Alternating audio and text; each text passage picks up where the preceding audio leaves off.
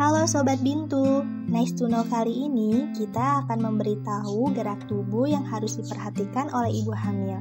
Satu, postur tubuh harus diperhatikan supaya tulang belakang tetap tegak. Dua, pada saat mengangkat beban dan mengambil barang tidak boleh sambil membungkuk. Tulang belakang tegak, kaki sebelah kanan maju satu langkah, ambil barang, kemudian berdiri dengan punggung tetap tegak. 3. Bangun dari posisi berbaring dengan miring ke kiri terlebih dahulu. 4. Pada saat berjalan, ibu hamil sebaiknya menggunakan sepatu atau sendal yang nyaman, tidak terlalu tinggi, dan tidak beralas licin. 5.